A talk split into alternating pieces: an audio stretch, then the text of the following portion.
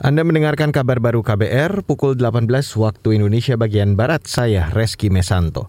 Saudara, angka kematian tinggi akibat COVID-19 di rumah sakit didominasi tiga kelompok mayoritas pasien. Antara lain kelompok lanjut usia, kemarin tercatat ada lebih dari 250 pasien meninggal akibat virus corona. Kondisi ini jadi perhatian Ketua Umum Perhimpunan Rumah Sakit Seluruh Indonesia atau Persi Bambang Wibowo.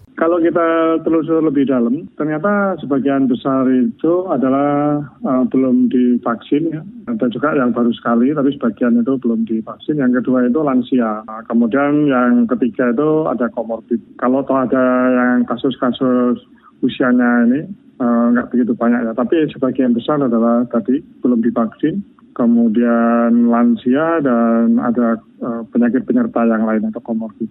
Ketua Umum Persi Bambang Wibowo menyebut sebagian besar pasien COVID-19 yang meninggal di rumah sakit memang cukup mengkhawatirkan. Akan tetapi dia tidak bisa memastikan varian yang menginfeksi pasien meninggal dunia karena tidak semuanya dilakukan whole genome sequencing atau WGS. Beralih ke Banyuwangi, Saudara, Kepolisian Resor Kota Banyuwangi, Jawa Timur kembali menetapkan tersangka kasus dugaan pemalsuan hasil rapid test antigen. Kapolresta Banyuwangi, Nasrun Pasaribu mengatakan, Hasil tes diduga palsu itu diterbitkan salah satu klinik di Kelurahan Bulusan Banyuwangi. Tersangka berinisial ES yang merupakan penanggung jawab klinik. 44 uh, surat tes rapid antigen, 23 dinyatakan uh, sesuai dengan uh, hasilnya, kemudian yang sisanya itu adalah yang palsu. Satu orang sudah kita lakukan gelar perkara hari ini, tadi sudah dilakukan penahanan. Uh, di seputaran Ketapang, di seputaran Ketapang untuk uh, bagi masyarakat yang mau menyeberang. Sebelumnya, pemalsuan surat rapid tes antigen palsu terungkap setelah polisi memeriksa rombongan dari Jakarta di Pelabuhan Ketapang, Banyuwangi.